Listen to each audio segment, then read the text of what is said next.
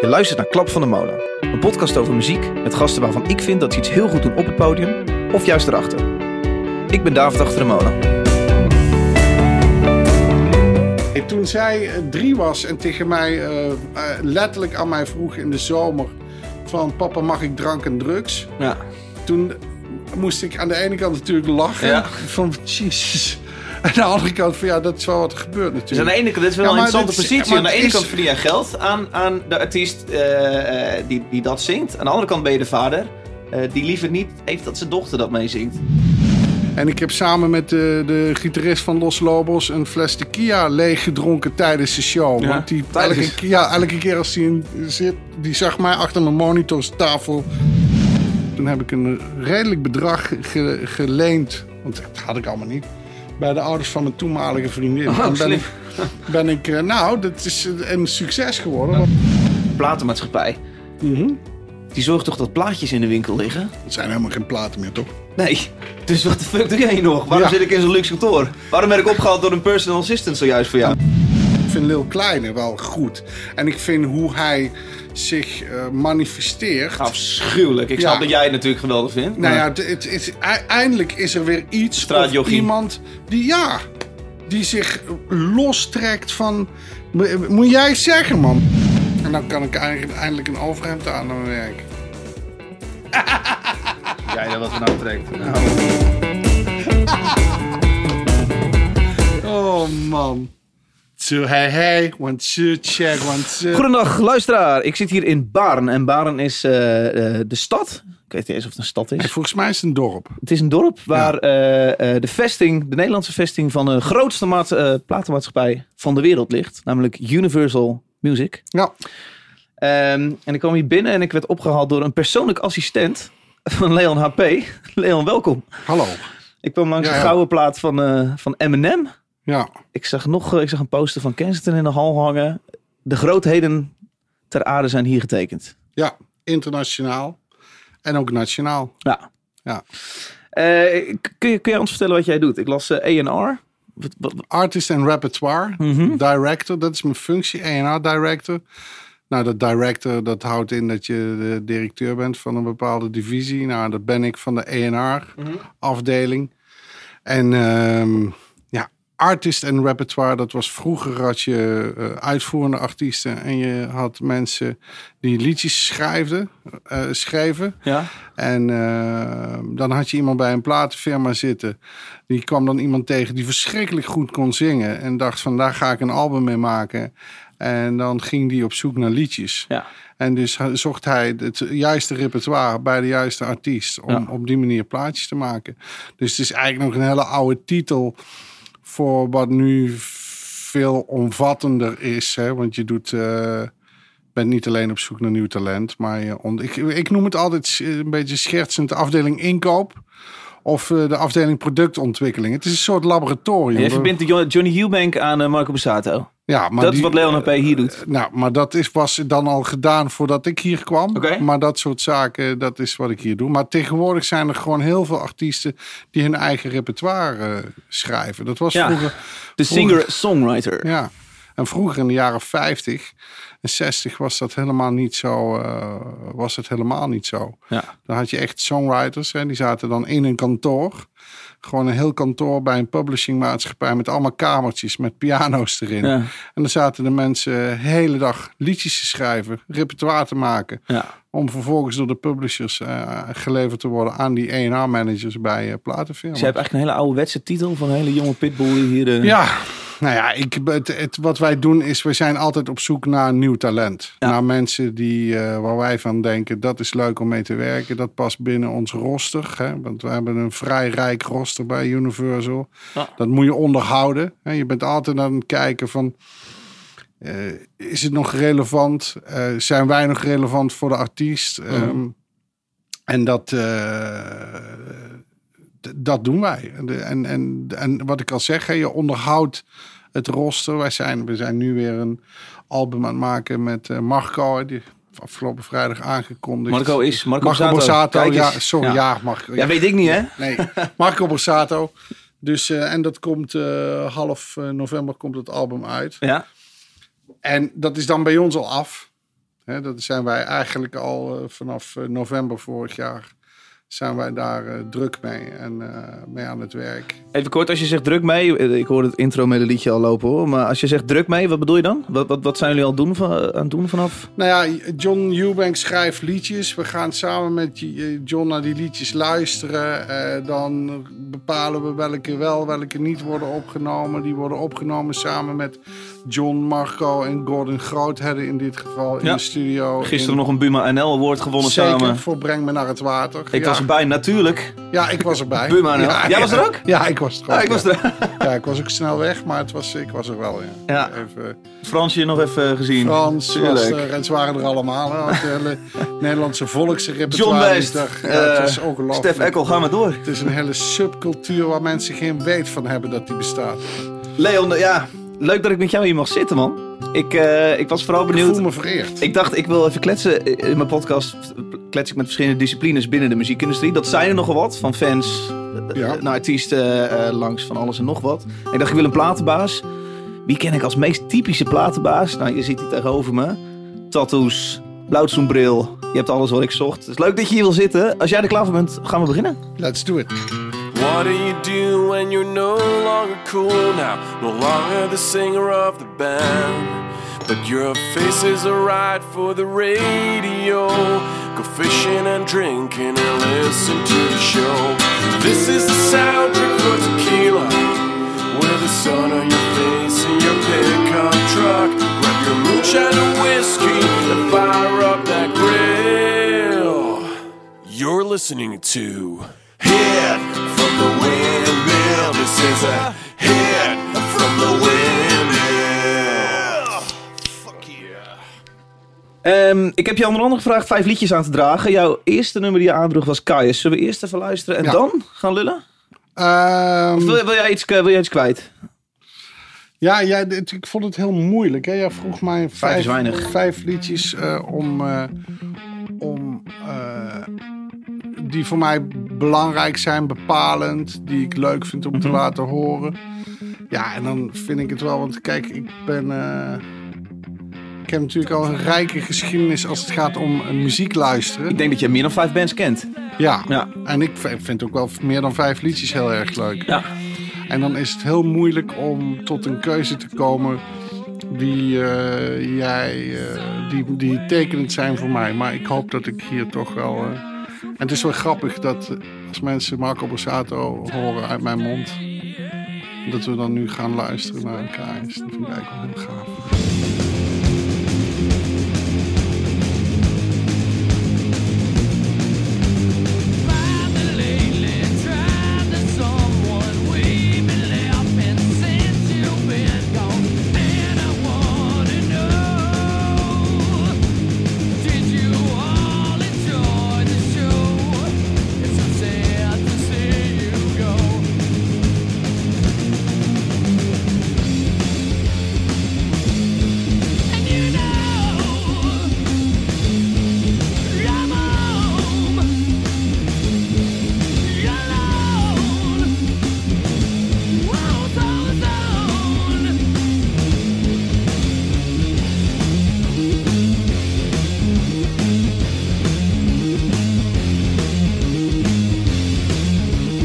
Is Kaius stond bovenaan je lijstje? Waarom? Ja, nou, ik had, het was willekeurig. Het is, ik heb een beetje gekeken naar, de, naar mijn eigen leven en naar in welke fase welke muziek heel belangrijk voor me was. En Kais is wel in een bepaalde fase van mijn leven heel bepalend geweest voor wat ik ben gaan doen. Was, eh, ik heb altijd, altijd met muziek gewerkt. Ik heb Je begon ook- als geluidsman. Ja, nou, daarvoor werkte ik in een platenwinkel. Oké. Eh, al vanaf mijn 15. Is dat welke? In eh, Freeway in Helmond. Oké. Waar ik van, Oh, Helmond. van Ja, ja, origine ja, ik vond het vandaan Helmond. kom. Ja. En, ehm, dus, en mijn vader was DJ vroeger op eh, feesten en partijen. De Appie-. Appie's Disco Corner. Ja, zeker. en ehm, dus ik, wij- wij hadden vroeger ook cafés. Dus, maar de eerste keer dat ik zelf echt met muziek bezig was, was ik vier. Dan draaide ik plaatjes bij mijn ouders in het café. Nou, dat is allemaal heel erg uit de hand gelopen. Uiteindelijk ehm, was ik eh, 15 werkte ik bij Freeway.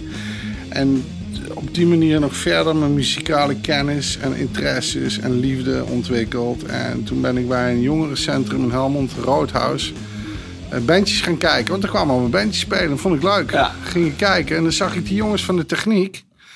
Die zag ik altijd eh, de kabels oprollen en die waren bezig met die, met die mengtafel. En, naam ook wezen om dichter bij de artiest te komen. ja, ik vind dat is leuk, want ik draaide. Ik had wel wat verstand van mengtafeltjes, want ik moest een plaatjes aan elkaar mixen. Dat werd dan ook door zo'n klein mengtafeltje gedaan. En, dus ik had wel enigszins idee hoe het werkte.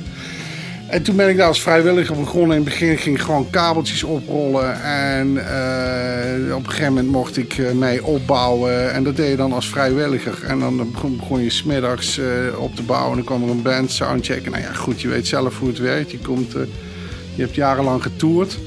Nou, en ik was gewoon iemand van, van het geluid. Dat vond ik te gek. Ja. En, en toen kwam ik via een kennis kwam ik in de FNA terecht. Dan zochten ze monitormensen. En ik was echt altijd een monitorman totdat ik Kaius zag. Die zag je in de Evenaar. die, die zag ik in de FNA, daar deed ik monitors voor. Ah, oké. En toen liep ik, en dat was echt voor mij, was dat Kaius is de band natuurlijk eh, waar later Queens of the Stone Age uit voortgekomen is met Josh Homme. Ja. En dat was voor mij een soort van wauw. Dat geluid, die muur van dat, bedoel, dat geluid van Kaius in de FNA.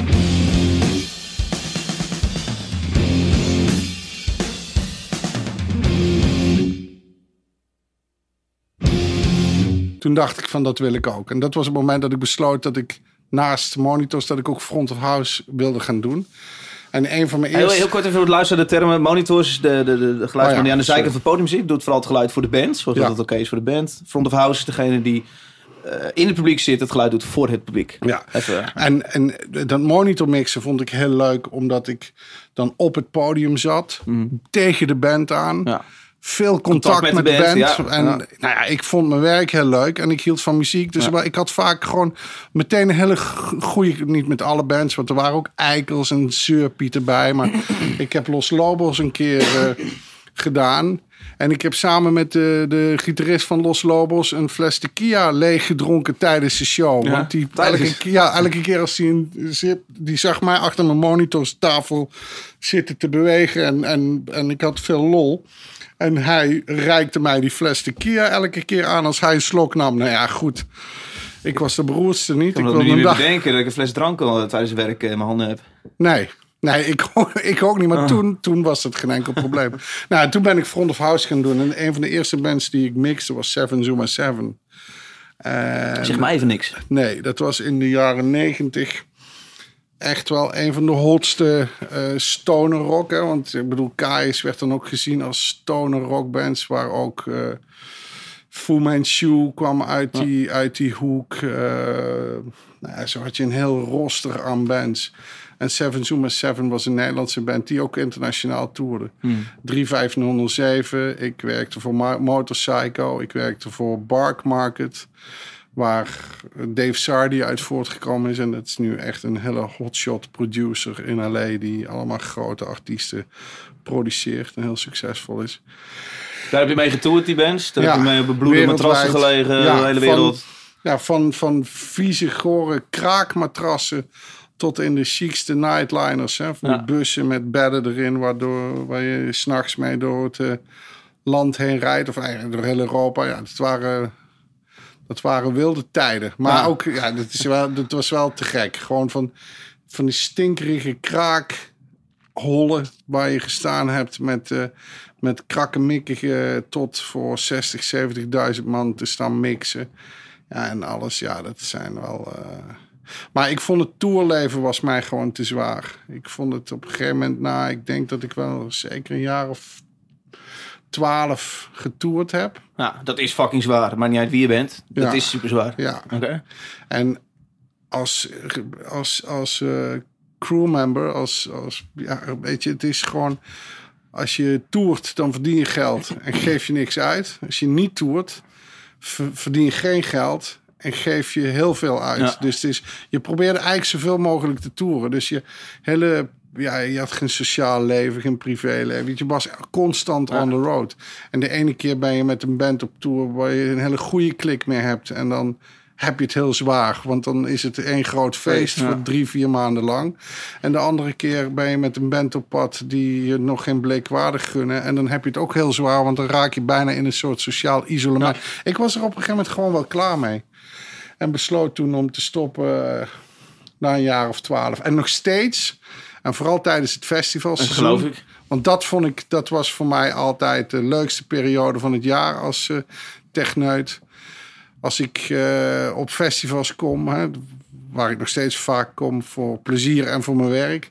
En ik zie die nightliners staan. Ja, het kriebelt hè? Ja, ja, dat is echt gewoon van. Dan heb je wel zoiets. Nou, één keer nog eens een tour of zo voor zes weken. Maar ik zou het niet meer kunnen hoor, want ik ben gestopt toen net de eerste digitale mengtafels kwamen. Ja, Ja, dan, eh, moet je even switchen. dat gaat mij niet meer lukken. Moeten we allemaal echt- wel de digitale mengtafels gaan uitleggen aan de luisteraar? Of gaan we dan op gebied Ja, begeven waar ja het niet meer nee, dit is gewoon. Het is veranderd. Het is, Even, eh, hoe, ja. hoe word je dan van geluidsman en... eh, natuurlijk door al mijn toeren heb ik heel veel mensen leren kennen, ook van platenfirma's. En ik heb er toen een mailtje uitgegooid van jongens, ik stop ermee. Ik ga me eens bezinnen op wat ik eh, ga doen voor de toekomst. En ik kreeg al heel snel van een label uit eh, België, Bang, Bang Distribution, een eh, e-mail van, of een telefoontje van joh, zou je het niet heel leuk vinden om ons te vertegenwoordigen in, in, in Nederland? En dat ben ik toen, heb ik over nagedacht. En dat ben ik toen eigenlijk maar gewoon gaan doen. Ik wist helemaal niet of ik dat kon. ja. Maar ik dacht, ik bedoel, net zoals heel veel dingen in het leven waar ik van denk, nou, dan moet je gewoon aan beginnen. Ja. En dan onderwijl kom je er wel achter of je daar goed in bent of niet. ja, je bent even niet in een bus. eh Nee, en ik ben er gewoon aan begonnen en dat heb ik een jaar gedaan. Toen ben ik in diezelfde tijd, ik deed nog wel eh, geluid voor bandjes in Nederland. Mhm. Dus ik had toen eh, onder andere Beef mixte ik nog. En dat was, een Nederlandse reggae band begin eh, van deze eeuw. En ja, dat vond ik zo'n goede band. Dat was dus zo'n. En waarom? Ik bedoel, ik deed vooral heel veel harde bands. Hè. Ik was vooral bezig met heel veel harde bands te mixen.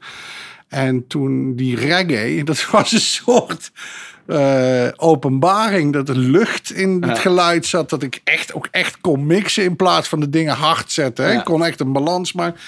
En, maar dat waren zo'n eh, getalenteerde muzikanten dat ik zoiets had van jongens, jullie moeten een plaat maken. Maar die jongens wilden eigenlijk weinig tot niks met een platenfirma te maken hebben. En toen heb ik gezegd, weet je wat, dan zorg ik dat ik geld heb. Toen heb ik een redelijk bedrag ge- geleend, want dat had ik allemaal niet, bij de ouders van mijn toenmalige vriendin. Oh, en ben ik, ben ik eh, nou, dat is een succes geworden. Oké. wij zijn toen samen een, een, eh, een platenfirma begonnen, Partners in Crime. En daar hebben wij eh, de eerste plaat van Beef op uitgebracht. Ja.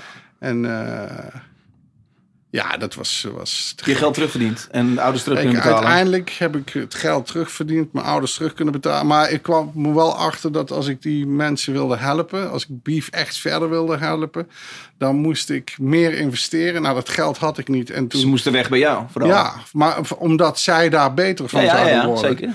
En in die tijd werd ik gebeld op Pias. Want die zagen opeens een gast in, in Eindhoven. Want ik woonde ondertussen in Eindhoven. Die een plaat uitbracht van een Nederlandse reggae band. Die redelijk succesvol was. En Ja. wat is dat? Was die jongen daar aan het doen. snel Ja. kijker. En toen eh, heb ik het contract eh, van Beef eh, in overleg met die jongens zelf aan Pias overgedaan. met als voorwaarde dat ze dezelfde voorwaarden zouden houden die ze ook bij mij hadden, zeg maar.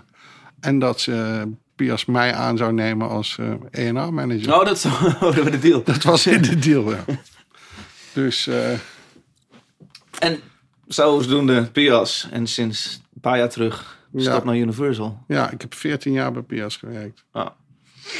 Hoe, eh, ik, ik, voor, laatst wel, dan gaan we muziek draaien. Maar heel veel mensen, veel luisteraars, hebben echt geen flauw idee. Een platenmaatschappij. Die zorgt toch dat plaatjes in de winkel liggen? Het zijn helemaal geen platen meer, toch? Nee. Dus wat de fuck doe jij nog? Waarom Ja. zit ik in zo'n luxe kantoor? Waarom ben ik opgehaald door een personal assistant zojuist voor jou? En waarom doen wij het zo goed? Ja, Ja. omdat wij nog steeds... Kijk, en eh, even... Natuurlijk worden er nog steeds cd's verkocht en lp's verkocht. Ja. Veel minder dan, eh dan 20 jaar terug, dat is waar. Ehm, maar... ehm, en er is een hele tijd ook zijn er heel veel mensen geweest die hebben zich inderdaad afgevraagd van ja, kijk, een plaatje online zetten. Dat kan ik eigenlijk zelf net zo Vind ik ook. 30 ja. euro via... Ja, je hebt allerlei, vergeten, die doen voor je. allerlei aggregators die dat Ja. doen. Ja. En dat is ook een de hele tijd heel populair geweest. Hè? Er zijn al- heel veel bands die dachten van... eh, weet je wat, ik ga het lekker zelf doen, joh. Cut out the middleman. Ik Dat ken maar één iemand in me. mijn netwerk die het gedaan heeft. Maar Ja, dat is wel een hele tijd ontzettend populair geweest. En, en er zijn er ook een paar. Kiteman is daar heel succesvol mee geworden. Eh Carol met Emerald. behulp van de Niels Albus. Maar Ja, en, en een aantal andere mensen die uit de industrie kwamen. Ja. En Caro Emerald is daar eh, redelijk succesvol mee geweest met haar eerste album. Maar dat zijn twee voorbeelden die heel succesvol... En er zijn veel meer voorbeelden van die het gewoon niet gehaald hebben. hebben gehoord. Omdat er toch, en daar is men gelukkig eh, ook weer achter gekomen... een bepaalde expertise zit in deze industrie. Eh, namelijk mensen die eh, artiesten begeleiden bij het opnemen van albums en kiezen maken van de juiste keuzes. Kijk, het is voor jou als artiest heel erg moeilijk omdat je bent, je bent jezelf. Om daar een oordeel op. Natuurlijk vind jij het te gek wat je maakt. Want anders zou je het niet maken. Maar ik denk dat het heel belangrijk... En jouw vrienden, die vinden ook te gek wat jij maakt. Ja. Want daarom zijn het jouw vrienden. Dus dat is... Kijk, je hebt gewoon een professioneel klankbord nodig... om samen tot een plaat te komen die jou in jouw carrière verder helpt. Ja. En ik denk dat er op creatief vlak dus een eh, hele hoop kennis en ervaring is waar artiesten iets aan hebben. En maar ook op het gebied van marketing en promotie en planning. Want een album uitbrengen is niet zomaar beschikbaar maken via een aggregator en achteruit zitten en wachten tot het allemaal goed komt. Nee, er zijn allerlei partijen. hè. Je hebt een live partij die erbij betrokken is. Je hebt de band. Er zijn allerlei componenten binnen zo'n heel systeem. die met elkaar moeten zorgen. En dat moet allemaal gesynchroniseerd worden. Er moeten allemaal plannen. Er moet allemaal communicatie heen. Het is een hele kluwe werk. Ja. Is het om het tot een succes te brengen? Nou, de functie van een platenmaatschappij anno 2017 is dus vooral een manager spelen en een promomachine zijn. Nou, promo, marketing, eh, wat ik net zeg, hè, begeleiden ook op het, eh, op het creatieve vlak. Ja, ik denk dat dat. En ik denk dat dat. En, en sales er ook. Kijk, Spotify is niet zomaar iets. Je moet daar, ook daar moet je afspraken mee maken. Apple Music moet je Ja. ook afspraken mee maken. Deezer moet je ook afspraken mee maken. Ja. Dat je de juiste aandacht krijgt binnen hun winkels. Ja. Op het moment dat jij denkt dat je die aandacht nodig hebt. Ik heb een apart kopje Spotify eh, staan, dus je krijgt je, je gram zo meteen nog. Inclusief luistervragen, dat is interessant. Eh, we gaan even muziek, eh, muziek draaien. Je had er eentje tussen staan en dat is voor mij niks meer dan zo'n zo, zo'n Veronica-hit of zo. Voor jou is het waarschijnlijk wel veel meer. The Police, Message in a Bottle. Ja, ja man. Eh, eerst een stukje luisteren, dan mag je, dan mag je los op de Police.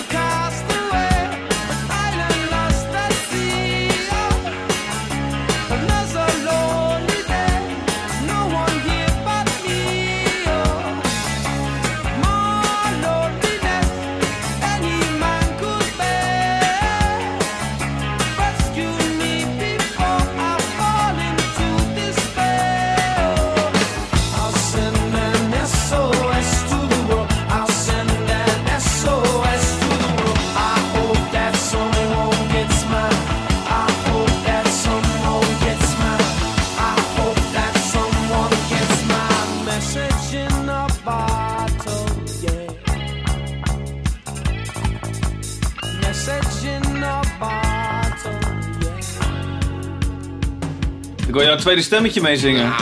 Had je, had je muzikant willen worden? Ja, toch allemaal, Ja, uiteindelijk. uiteindelijk wil iedereen het terug. ja. Wat is het verhaal van de police? De Police, ik was, eh, dit is overigens van het tweede album eh, van de Police, Regatta de Blanc. Maar ik was eh, eh, volgens mij een jaar of negen toen het eerste album uitkwam. Ja? Met eh, Roxanne en So Lonely. Ah, ja, ja. En dat was voor mij een soort openbaring. Tot die tijd had ik nog niet echt. Ik was fan van Elvis. Ja, ik was, was jong, weet je wel. Ik kreeg mijn muziek eigenlijk meer door mijn ouders. Het is wel breed, weet je. Kaya's, Elvis, eh, reggae. Ja, maar het- het- ik, bedoel, muziek kent geen grenzen, Nee. toch? Qua, qua genres ook. Ik ben niet van de genres. Ik kan ongelooflijk Het genieten is heel van... vies wat je zegt. Dat zeggen heel veel mensen. Ja, maar, ik, voor, mij, maar voor mij is het ook echt zo. Want ik kan, ik, ik weet je waar ik van geniet? Ik geniet van een liedje. Ja. En of dat nou metal is, of dat nou eh, country. Ik ben ook echt, echt helemaal gek op country. Gewoon, want de mooiste liedjes, die worden komen uit de countrymuziek. En ook, ik bedoel, melodieën, dat is echt fenomenaal. Ja. En voor de, voor de police geldt, dat was zeg maar de eerste keer in mijn leven dat ik voor mezelf dacht...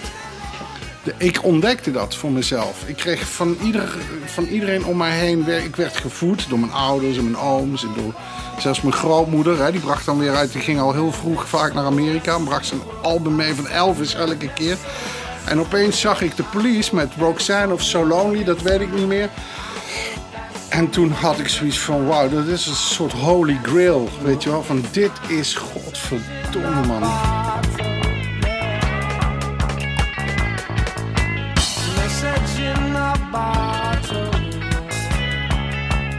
Dit is goed, dit is anders, dit is punk. Dat, want hè, dat was net in de tijd van de punkmuziek. Met uh, veiligheidsspelden door je wangen. En Biedt het aan vet- alles behalve punk, eerlijk gezegd. De police, Ja. nee, dat was zeker punk in die tijd. Ja, wel, echt. En eh, het was echt, echt, echt heel erg... eh, en toen kwam het... Er was, zat zoveel energie in. En toen kwam het tweede album, Regatta de Blanc. En dat is echt... De, de- ik had zo vijf tracks voor jou kunnen kiezen van Regatta de Blanc. En, ehm, en dat album... Heb, je hebt wel eens mensen die zeggen... Ik heb die plaat grijs gedraaid. Want vroeger hadden we vinyl. En dan bleef je die plaat maar draaien tot dat zwart helemaal grijs werd, omdat die groeven er helemaal. Ja. Die plaat heb ik letterlijk helemaal grijs. Als je nu een naald erop zet, dan gaat die naald zo heen en weer over heb, de plaat. ik heb het album nog steeds. Ik heb hem bewaard omdat hij voor mij heel veel betekent in de zin van ja, dat is gewoon waar het misschien wel allemaal begonnen is voor mij. Maar die plaat heb ik gedraaid. En wat ik dan deed, was dan luisterde ik het hele album alleen naar de drums. Alleen maar wat doet Stuart Copeland? Wat is hij aan het doen? En dan draai ik hem weer en dan draai ik, luisterde ik alleen naar de baspartijen. Ja. En ik was tien. Dus ik wilde echt, ik, die hele plaat heb ik bijna geanalyseerd als eh, een fantastische band. En ik ben jaren later ben ik nog eens een keer hier in de arena geweest. Want ik heb natuurlijk, de police ging vrij snel, eh, ergens in de jaren tachtig, gingen ze uit elkaar. En ze hebben voor mij eigenlijk ook maar 2,5 goede plaat gemaakt. De eerste twee en nog een stukje is in Yatta Mondata. En daarna werd het eh stinkenneuzel. Was het, eh, ja, nee, ik moet natuurlijk zeggen dat Sting heel erg goed is. Oh, Stings in Universal, Ja. heb ik veel. Nee, maar, nee, maar dat was dus... eh, Ja, en toen ben ik nog een keer naar de police geweest in, in de arena. Want toen deden ze zo'n reunie-tour. Ja, Ja, toen, was, toen ben ik naar twee nummers gegaan. Dat was hem niet meer. Jazzrock geneuzel. Oh. Nee, Hey, ben je klaar voor wat Twitter-vragen, eh, Leon? Twitter vragen. Er gaat een shitload vragen over één onderwerp. Die wa- bewaar ik nog even. McSharky vraagt... eh, waar ziet hij als A&R de muziek heen gaan de komende jaren? Hip-hop en indie is op zijn return, maar waar gaat het dan heen? Nou, ik denk dat hip-hop helemaal niet op zijn return Dat, is. die snap ik ook niet helemaal inderdaad. Maar Want, volgens mij is dat wat echt enorm door het eh, dak gaat. ja. Spelen jullie daarop in? Zitten jullie eh, achter de Lil Kleines uh, Ronnie Flexjes eh, aan om ze te tekenen? Nou, Eén van die twee is al getekend? Of al beide? zit allemaal bij Topnotch. Hè? En Ja. Topnotch is eh, affiliated met Universal. Dus wij werken samen met Topnotch. dus ja, eh, nee, dat, dat, wij juichen dat natuurlijk alleen maar toe. En ik moet zeggen, ik heb eh, zelf een zoon van eh 13, Pepijn. Ja. En die, dus ik zie, de doelgroep zit bij mij aan de ontbijttafel. Ja. En het is fascinerend om te zien hoe groot. Het is echt, ik bedoel, het is echt een movement. Hè? Je had Gabber had je in de jaren negentig. Ja. En, en ik denk dat sinds de Gabber er niet zo'n, zeg maar, was zaterdag, lifestyle ding. eh, Ik zat zaterdag in Tivoli een bak koffie te doen. Dat was net een verrassingoptreden van Boef geweest.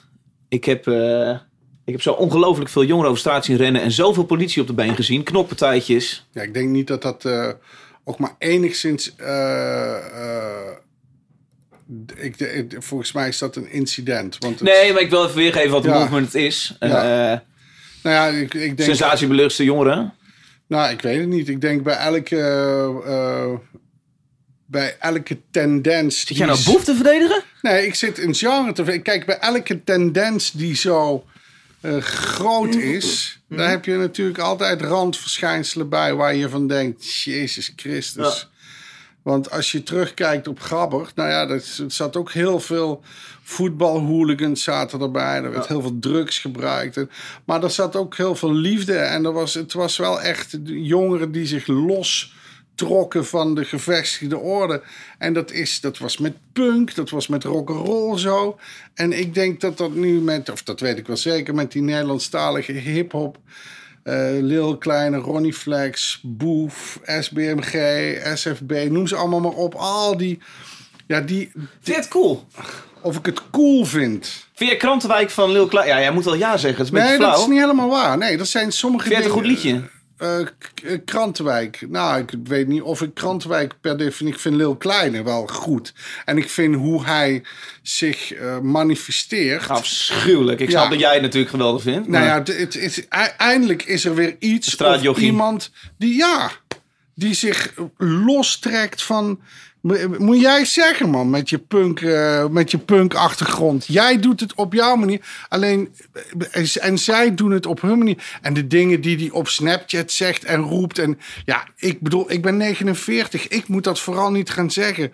En of ik er blij mee zou zijn als mijn zoon dat soort dingen. Zo, hij roept het. Weet je wel? Ik probeer hem alleen wel bewust te maken van wat hij roept en wat het inhoudt. Ik zag een paar weken geleden een live show van Broederliefde. Ja. Wat vind jij van, van misschien moet ik breder trekken, veel live shows van die gasten? ja, de een is beter dan de ander. Ik heb broederliefde, moet ik zeggen, nog nooit eh, echt. eh, eh, heb ik ze live? Ja, die heb ik wel live gezien. Nee, die heb ik wel live gezien. Ja, ik denk dat het, het, heeft een hele andere vorm gekregen. En of iets live heel goed is, Ja. dat is niet meer zo belangrijk dan. Dan of anders, heeft een andere eh, plek dan. Het gaat om de liedjes. Die kids die luisteren gewoon de hele dag naar die liedjes. Ja. Het gaat er niet meer over uit of het live net zo goed wordt uitgevoerd als op, eh, eh, op de plaat. Dat, het gaat om de energie en wat er gebeurt. Nee, ik bedoel, ik was. wanneer ik was pas op een evenement dat heet We Are the Future. Dat was in de Heineken Music Hall. Dat is een fris feest. Dan mag je tot 18 jaar mag je daar komen. Ja. Ik was daar uitgenodigd door de organisator. Dus ik ben daar eens gaan kijken. Ik voelde het zwaar ongepast. Ik vond het een beetje Even, jij was uitgenodigd door de organisator. Wat moest je daar? nou ja, Wat wou die we van hadden een, een aantal, niks. We hadden, we hadden daar een aantal artiesten staan die bij. eh, ehm, en eh, ik wil dat een fris feest. Ik ken het fenomeen Nee, niet. nee, dus hij zei van kom vooral eens kijken, weet je wel. We are the future. En dat, nou ja, goed. Ik bedoel, ik ben daar toch ook mee bezig om te kijken van probeer de toekomst in te kijken wat niet kan, maar wat gaat er gebeuren of Mhm. wat gebeurt er of. Ik bedoel, ik ben nogmaals, ik kom niet op dat soort plekken, maar die plekken zijn wel belangrijk. Ja. En de energie, bijvoorbeeld bij een concert van Lil Kleine of eh, eh, hoe heet eh, je broer? Ja. Ja, ja, die energie is vooral gillende meisjes. Het is niet dat Lil Klein nee, was dat energie. is niet waar. eh, Dat denk ik niet. Dat dan wil ik graag nog een keer met jou naar een concert van, van Kleine of van je broer. Of, ik denk niet dat dat gillende meisjes is. Zeker niet. En ik voel, ik bedoel, ik ben net naar Frankrijk op vakantie geweest met mijn gezin. En dan heb ik een dochter van eh 4,5 achterin en Pepijn van 13. En die, hij ruled de, de, de DJ dan. Hè? Dus hij draait Ah, de muziek. Ja, ik bedoel, de- de- in overleg met Daantje, die overigens helemaal weg is van kleine en dat soort eh, muziek. Daantje is vijf, hè? Zoiets? Ja, die was 4,5, die was 5. En zij rapt gewoon. Het is ook heel raar hè, om je dochter te horen zingen van 4,5 van ik ben een kind van de duivel. Ja. Dat is heel apart. In mijn geval zou je kunnen denken, nee, dat klopt. Ze heeft gelijk. Nou, daar schrik jij misschien niet zo van, maar er zijn er andere teksten die, je- die je liever niet hoort dat zij mee eh, zingt. Nee, toen zij eh, drie was en tegen mij eh, letterlijk aan mij vroeg in de zomer van papa mag ik drank en drugs? Ja. Toen moest ik aan de ene kant natuurlijk lachen Ja. van jezus. En aan de andere kant van ja, dat is wel wat er gebeurt Dus natuurlijk. aan de ene kant, dit is wel Ja, een interessante is- positie. Aan de ene is- kant verdien jij geld aan, aan de artiest die, die dat zingt. Aan de andere kant ben je de vader die liever niet heeft dat zijn dochter dat meezingt. Nou ja, ik weet het niet. Ja, het is, ik probeer mezelf ook elke keer te, we hadden, kijk, in mijn tijd zongen wij keihard Nederwiet van Doe maar. Ja, en jou dus zag je liever niet aan de wiet. Nee, en eh, in, in hun tijd eh, eh, Painted Black en Brown Sugar Mhm. en dat van de Stones. En dat ging ook gewoon over en eh, Lucy in the Sky with Diamonds. Wat ook gewoon over drugs en Mhm. ja, weet je, het is ook, we hebben allemaal boter op ons hoofd en we zijn daarin ook. Ik vind het, eh, en dat is interessant om, eh, om daarover na te denken. Elke generatie heeft natuurlijk zo zijn dat soort zaken. Cocaine My Brain van Dillinger uit de jaren 70. Er stonden hele volks... eh, stammen stonden op de dansvloer, luidkeels. Dat wilde niet zeggen dat ze allemaal in de toilet aan Nee. de kook zaten. Nee.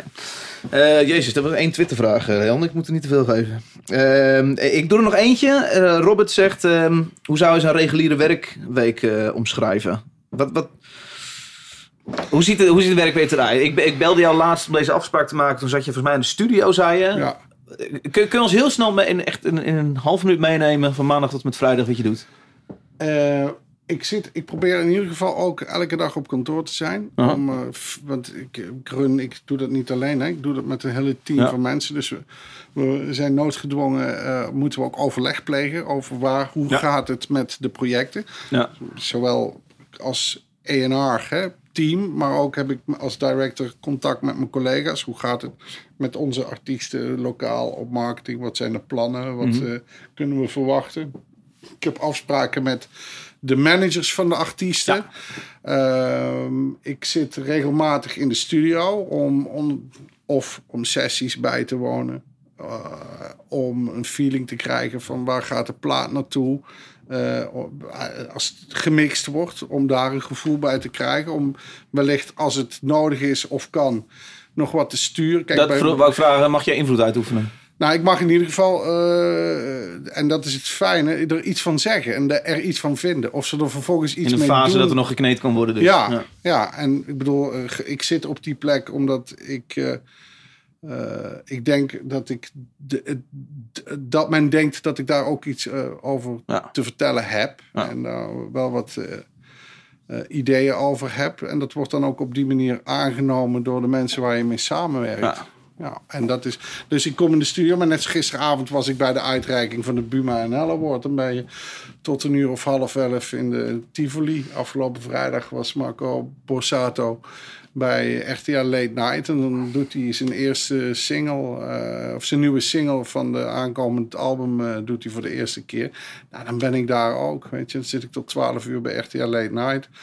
Ik kom bij shows. Weet je, je moet toch eh, je gezicht ook bij shows laten zien. Heel erg belangrijk. En nog steeds ook op zoek naar nieuw talent. Hè? Want het is niet alleen nogmaals het, het je roster wat je hebt. Hè? Kensington, Rondé, Ja. Dotan, Douwe Bob, eh, Ilse de Lange. Aanstaande donderdag ga ik voor twee dagen naar Ibiza. Ilse is daar aan het schrijven met een team voor haar nieuwe album. Met een aantal mensen.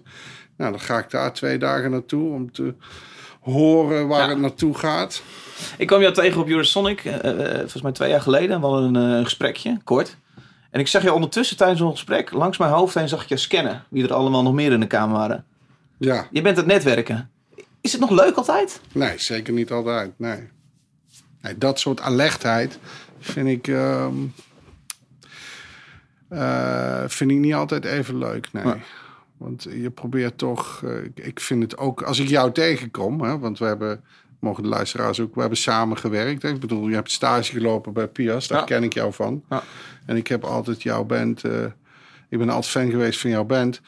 Hoi. Dus ik vind het leuk om met jou inhoudelijk eens even te praten. Maar als ik mezelf betrap daarop, dat ik constant tijdens ik met jou in gesprek ben, Mhm. Ook scan wie er allemaal rondloopt. Eh, Aan de ene kant is dat omdat je aan het netwerken bent en mensen moet spreken. Ja. En soms is het ook wel dat je kijkt van wie loopt er allemaal rond en waar heb ik helemaal geen zin in Ja. om mensen te spreken. Ja, het is, ja, ik bedoel, jij zal het ook kennen. Ja, je moet die bal niet kaatsen, rustig. Val je niet aan? EPMD. Ja, goed man. Ja, dat is echt, dat is 1988. Dat is mijn geboortejaar. Mooi. En ik was toen 20. Ik had je vader kunnen zijn. maar dat was grappig, want ik was dus vanaf 78 had ik een buitengewone interesse voor muziek ontwikkeld. En toen, eh, ik was echt een allesvreter. Hè? Want ik, denk, ik ken genres, maakt me allemaal niet uit. Ik wil gewoon goede muziek. Dus ik had die hele jaren 60 en de jaren 70 had ik eh, ondertussen doorgefroten. Mijn pa die was DJ, dus die had veel muziek.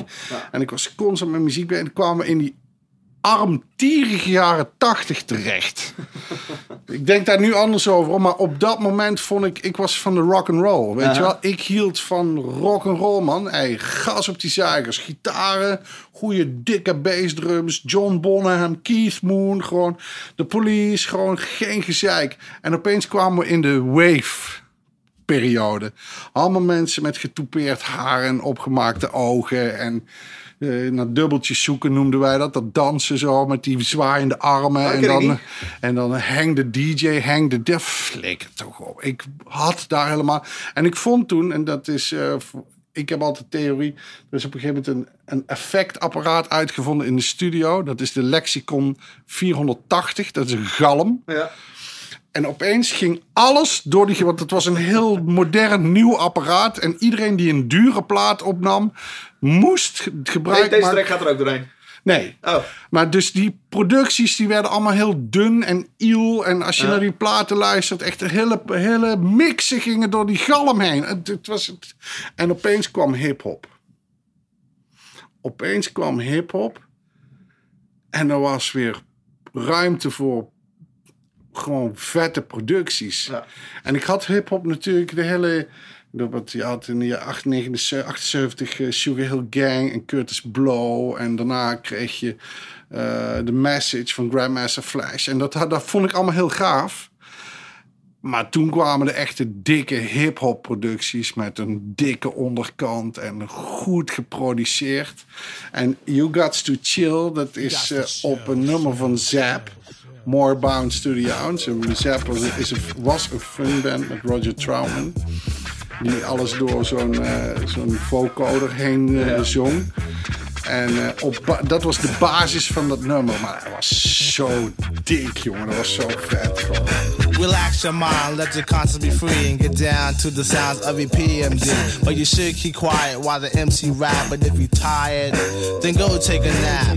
Or stay awake and watch the show I take. Because right now, I'm about to shake and bake. The E-I-C-K is my name, I spell. Thanks to the clientele, yo, I rock well. I'm not an MC who talking all that junk about who can beat who. Sound like a punk. I just get down and I go for mine. Say check one, two, and run down the line. To the average MC, I'm known as the Terminator, the funky beat maker, new jack exterminator, destroying employ when your rhymes are not void, never sweating your girl YP, cause she's a schizoid. When I'm on the scene, I always rock the spot. I grab the steel with the crown on top in the beginning. I like to let my rhymes flow. And at 12, I press cruise control. Sit back and relax, let my rhymes tax. Maintain them C's while the doubly max. Always calm under pressure, no need to act ill. Listen when I tell you, boy, you got to chill.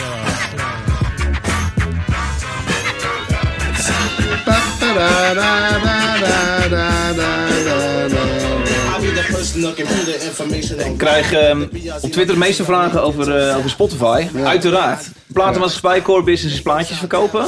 Ondertussen is Spotify, eh, ik- ik denk, een van de grootste manieren om muziek te luisteren. Ik denk dat YouTube daar ook eh, dichtbij komt. Ehm, hoe gaat eh, Universal daarmee om?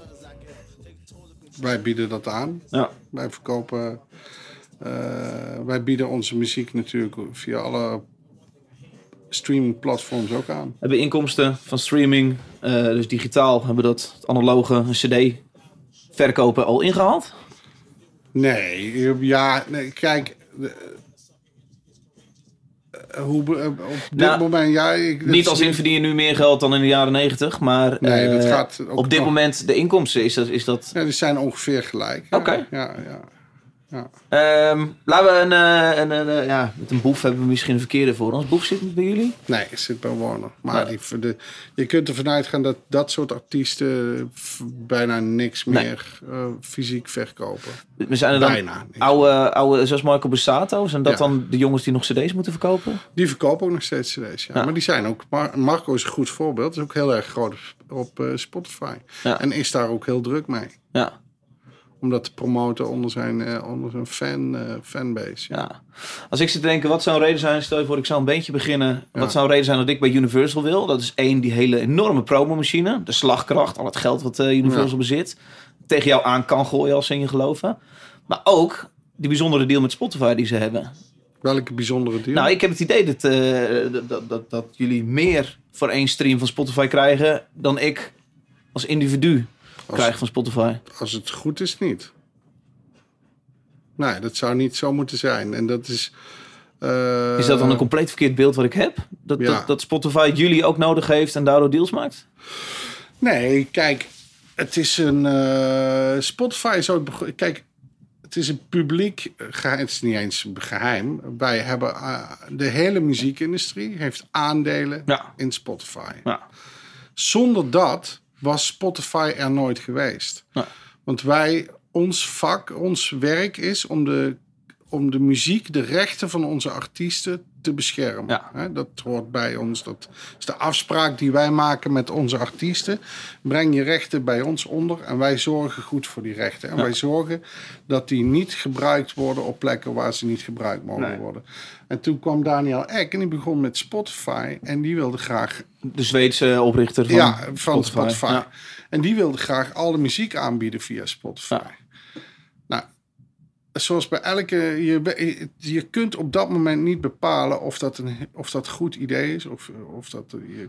je, je, je en normaal krijgt een bedrijf, en krijgt daar, wordt daarvoor betaald. En dat gaat dan in de vorm van een voorschot. Maar dat, dat geld had hij helemaal niet. En daarvoor in ruil eh, hebben toen de platenfirma's een aandeel gekregen. Dat zijn echt minime aandelen, maar gewoon een aandeel. in- Voor Universal zit voor 10% in Spotify. Nee, joh, ik weet het exacte percentage weet ik niet.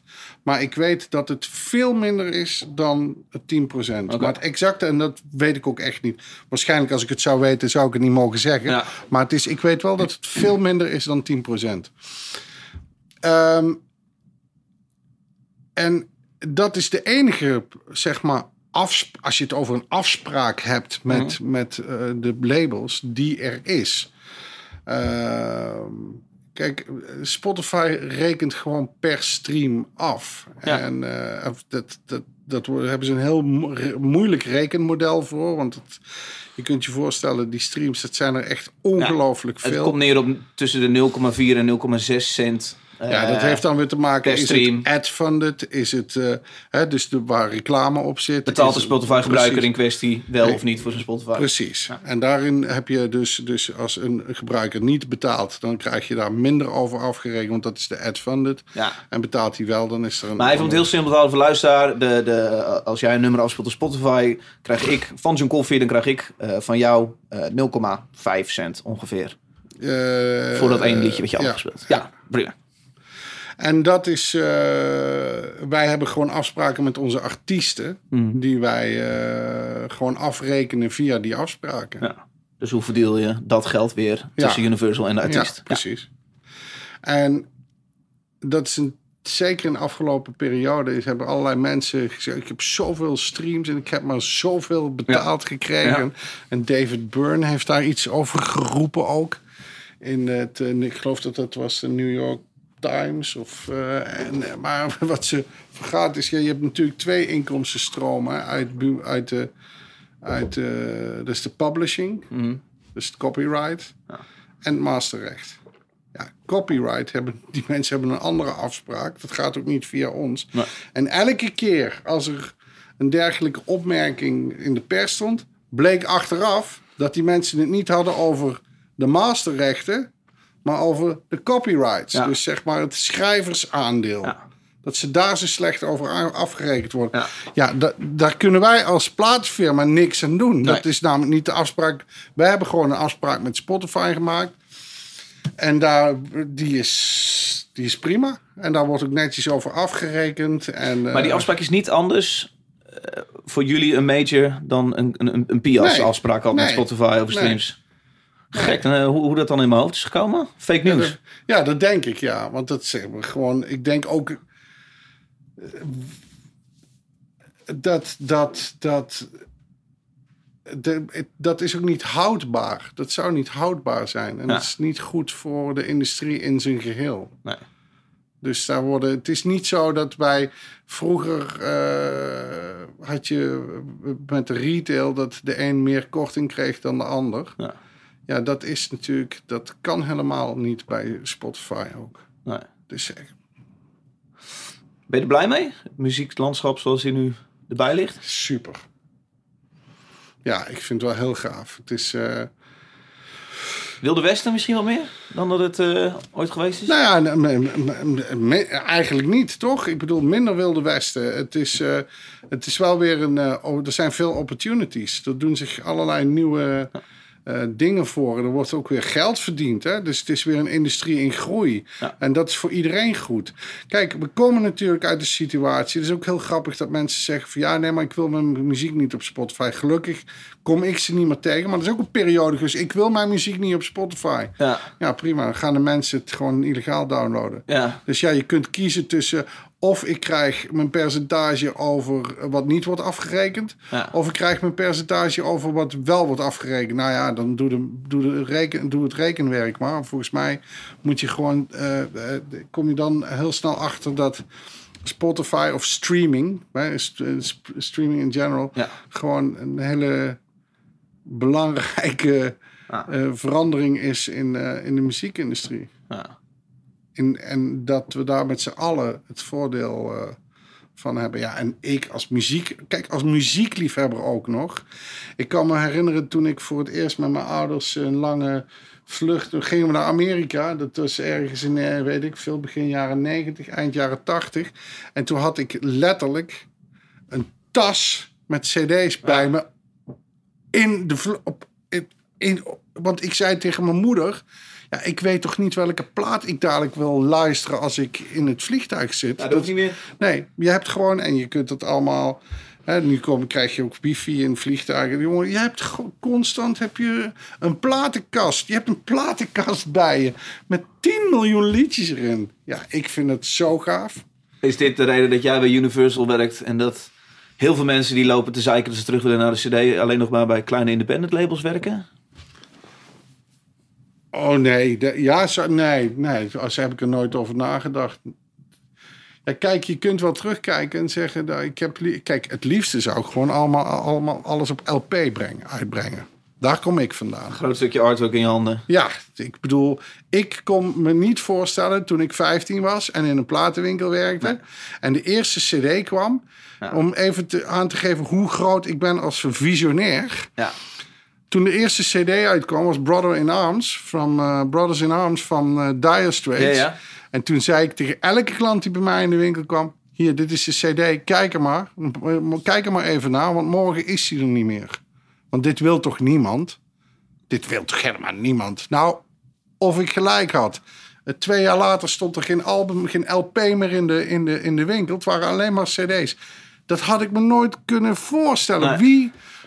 Want ik heb, me, ik heb dus ook nooit eh, mezelf kunnen hechten aan het product. Nee. Want ik, als ik een LP kocht vroeger, dan ging ik op de fiets ging ik naar de platenwinkel. En dan kocht ik voor 15 gulden of 20 gulden kocht ik een album. En dan fietste ik naar huis. en, eh, ja, en dan zette ik die thuis op mijn platenspeler. En dan die hele hoes, die, die zette ik nog op mijn hoofd. Ik moest alles, ik bedoel, het artwork, de hele bele het ruiken nog steeds. Ik heb heel veel albums. En het, ruik, het ruikt, het vinyl, het, het er- ja, nee, dat is allemaal weg. Maar wat je er nu voor in ruil krijgt, voor, in, voor terugkrijgt, dat is, Meer handbagageruimte in je vliegtuig. ja. Ja. En gewoon 8 miljoen liedjes, hè, altijd bij je. Eh, we moeten de laatste track draaien, eh, Leon. En ehm, eh, je moet kiezen tussen Frank Zappa en Ronnie Size. Ja, daar eh, hoef ik niet heel lang over na te denken. Ronnie Size en Represent. Doe mij maar Frank Zappa. Ah, oké. Alright. Iets over kwijt? Of wil je me draaien? Frank Zappa is eh, de. eh, ik had vroeger, eh, zoals we dat allemaal hebben, een favoriete oom dan wel tante. En die, eh, mijn favoriete Ja, oom. vertellen dat Frank Zappa je oom is? Nee, maar mijn favoriete oom Henk, die, eh, die draaide altijd Zappa. En die heeft mij Zappa bijgebracht, want dat moet je leren. Oh. Dat kun je, niet, eh, kun je niet zomaar opzetten en dan luisteren. Dan moet je. En Zappa, ik ben twee keer naar Zappa geweest in Ahoy als klein ventje. Samen met oma Henk. En eh, ja, die heeft wel een apart. Welke was het? Cosmic the Breeze of Stinkfoot? Eh, Welke had je alweer? eh, Apostrophe. Oh, ap- ja, ap- Ah nee, sorry. Cosmic the Breeze. Ja, Cosmic the Breeze. Ja, zijn teksten zijn fenomenaal. Ik bedoel, eh, ja, hij heeft geweldige, abstracte, bizarre teksten. Is een geweldige gitarist was het. En eh, ver zijn tijd vooruit. Hè.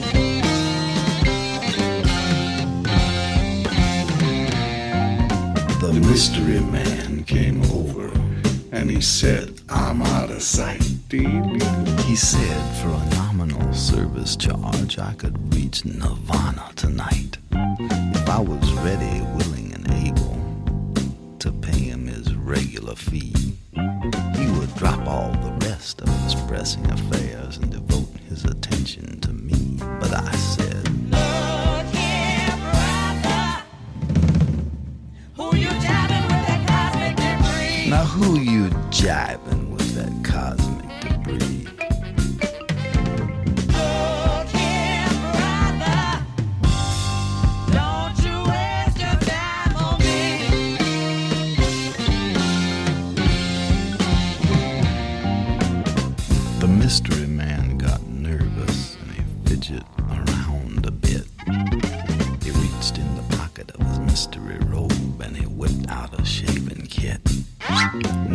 thought it was a razor and a can of foaming goo.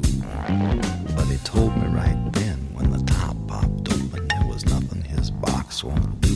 Ja, kijk gewoon. dat je kippenvel zien. Ja. And the dust of the Grand Wazoo En di- dit moet je leren? Ja, dit is wel meest. Ik denk wel daarom dat ik ook. eh, dit is wel vrij toegankelijk. Dit. Voor Zappa standards is dit vrij to- to- toegankelijk. Want Hier zit soul in. Hier Hij heeft zit- abstractere nummers. Ja, zeggen. dit is echt. eh, en eh, dat kun je niet zomaar aan de gemiddelde luisteraar. eh, maar ik, ik kan Zappa aan iedereen eh, aanraden. Het is echt, eh, en dan beginnen bij de albums Apostrophe en Overnight Sensation. Dat was begin jaren 70. Ah. Die lekker. En die lekker tot je laten komen. En dan steeds verder Shake Your Booty eind jaren 70. Met geweldige tracks als Jewish Princess en Flakes. En ja, het is echt eh, fantastisch.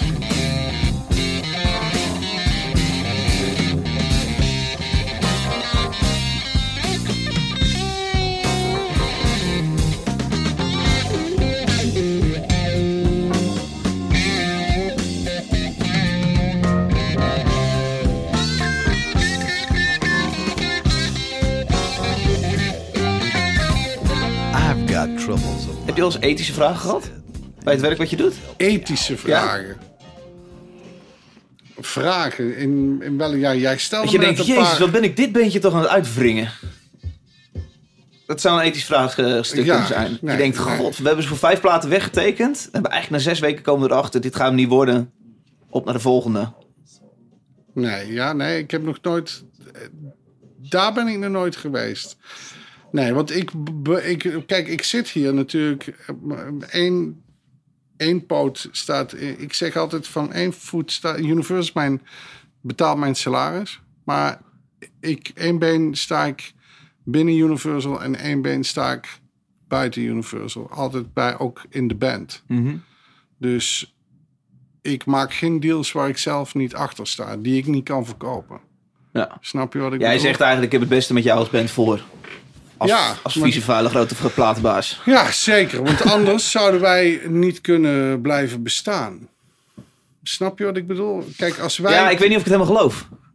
Ja, dat is aan jou. Ja. Dat is aan jou. Dat ik bedoel, ik, het enige kan ik- Kijk, ik ben integer in wat ik doe.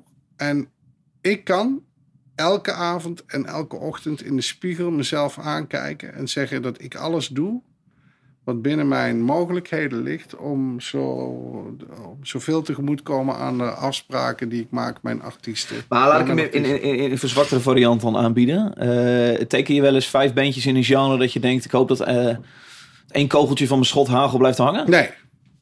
En dat kun je ook zien aan het roster van eh, Universal. En ook aan het aantal bandjes wat wij tekenen.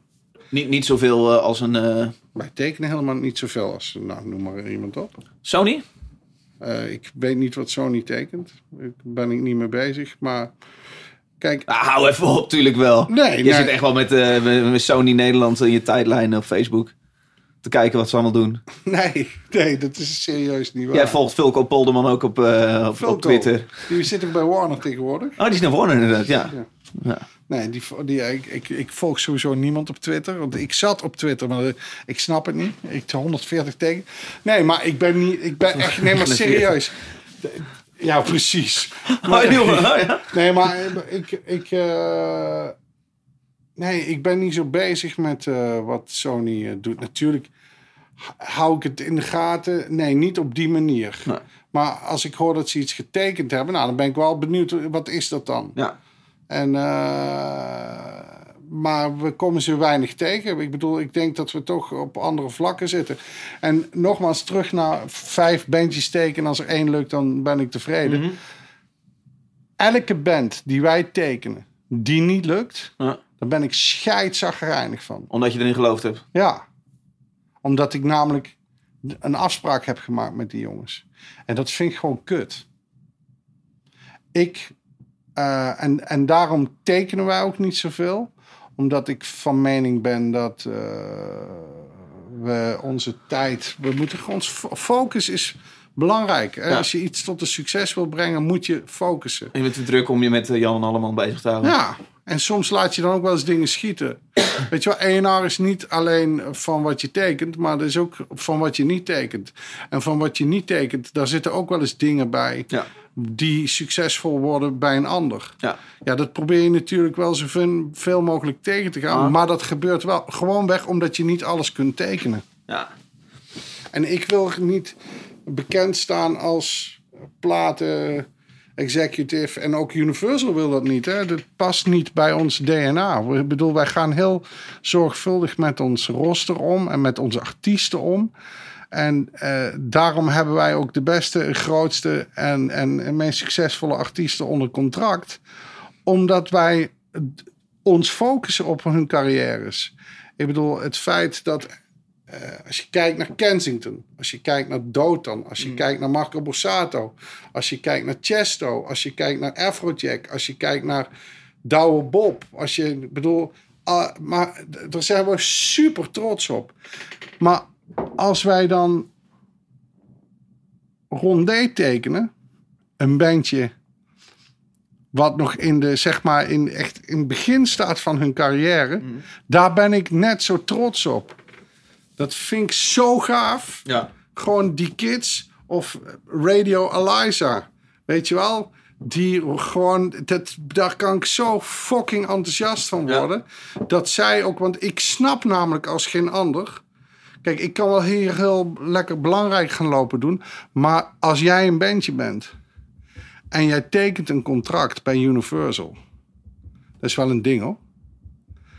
En ik vind dat het mijn verantwoordelijkheid is om datgene wat zij erbij voelen, dat ding, om daar mijn afspraken, onze afspraken in na te komen en ervoor te zorgen dat wij hun zo ver mogelijk brengen.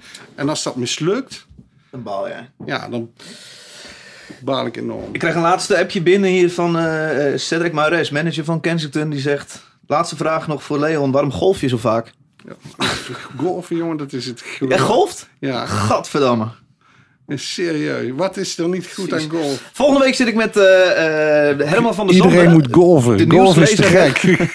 De nieuwslezer Herman van der Zande. Heb jij een vraag voor Herman van der Zande? Herman de Scherman? Oh, die. Ja. Ja, ik vind hem. eh, ik ben benieuwd. Heeft hij. Want hij. hij Oh, stop. Ik zit, nee, ik zit volgende week met, ik zit met Direct.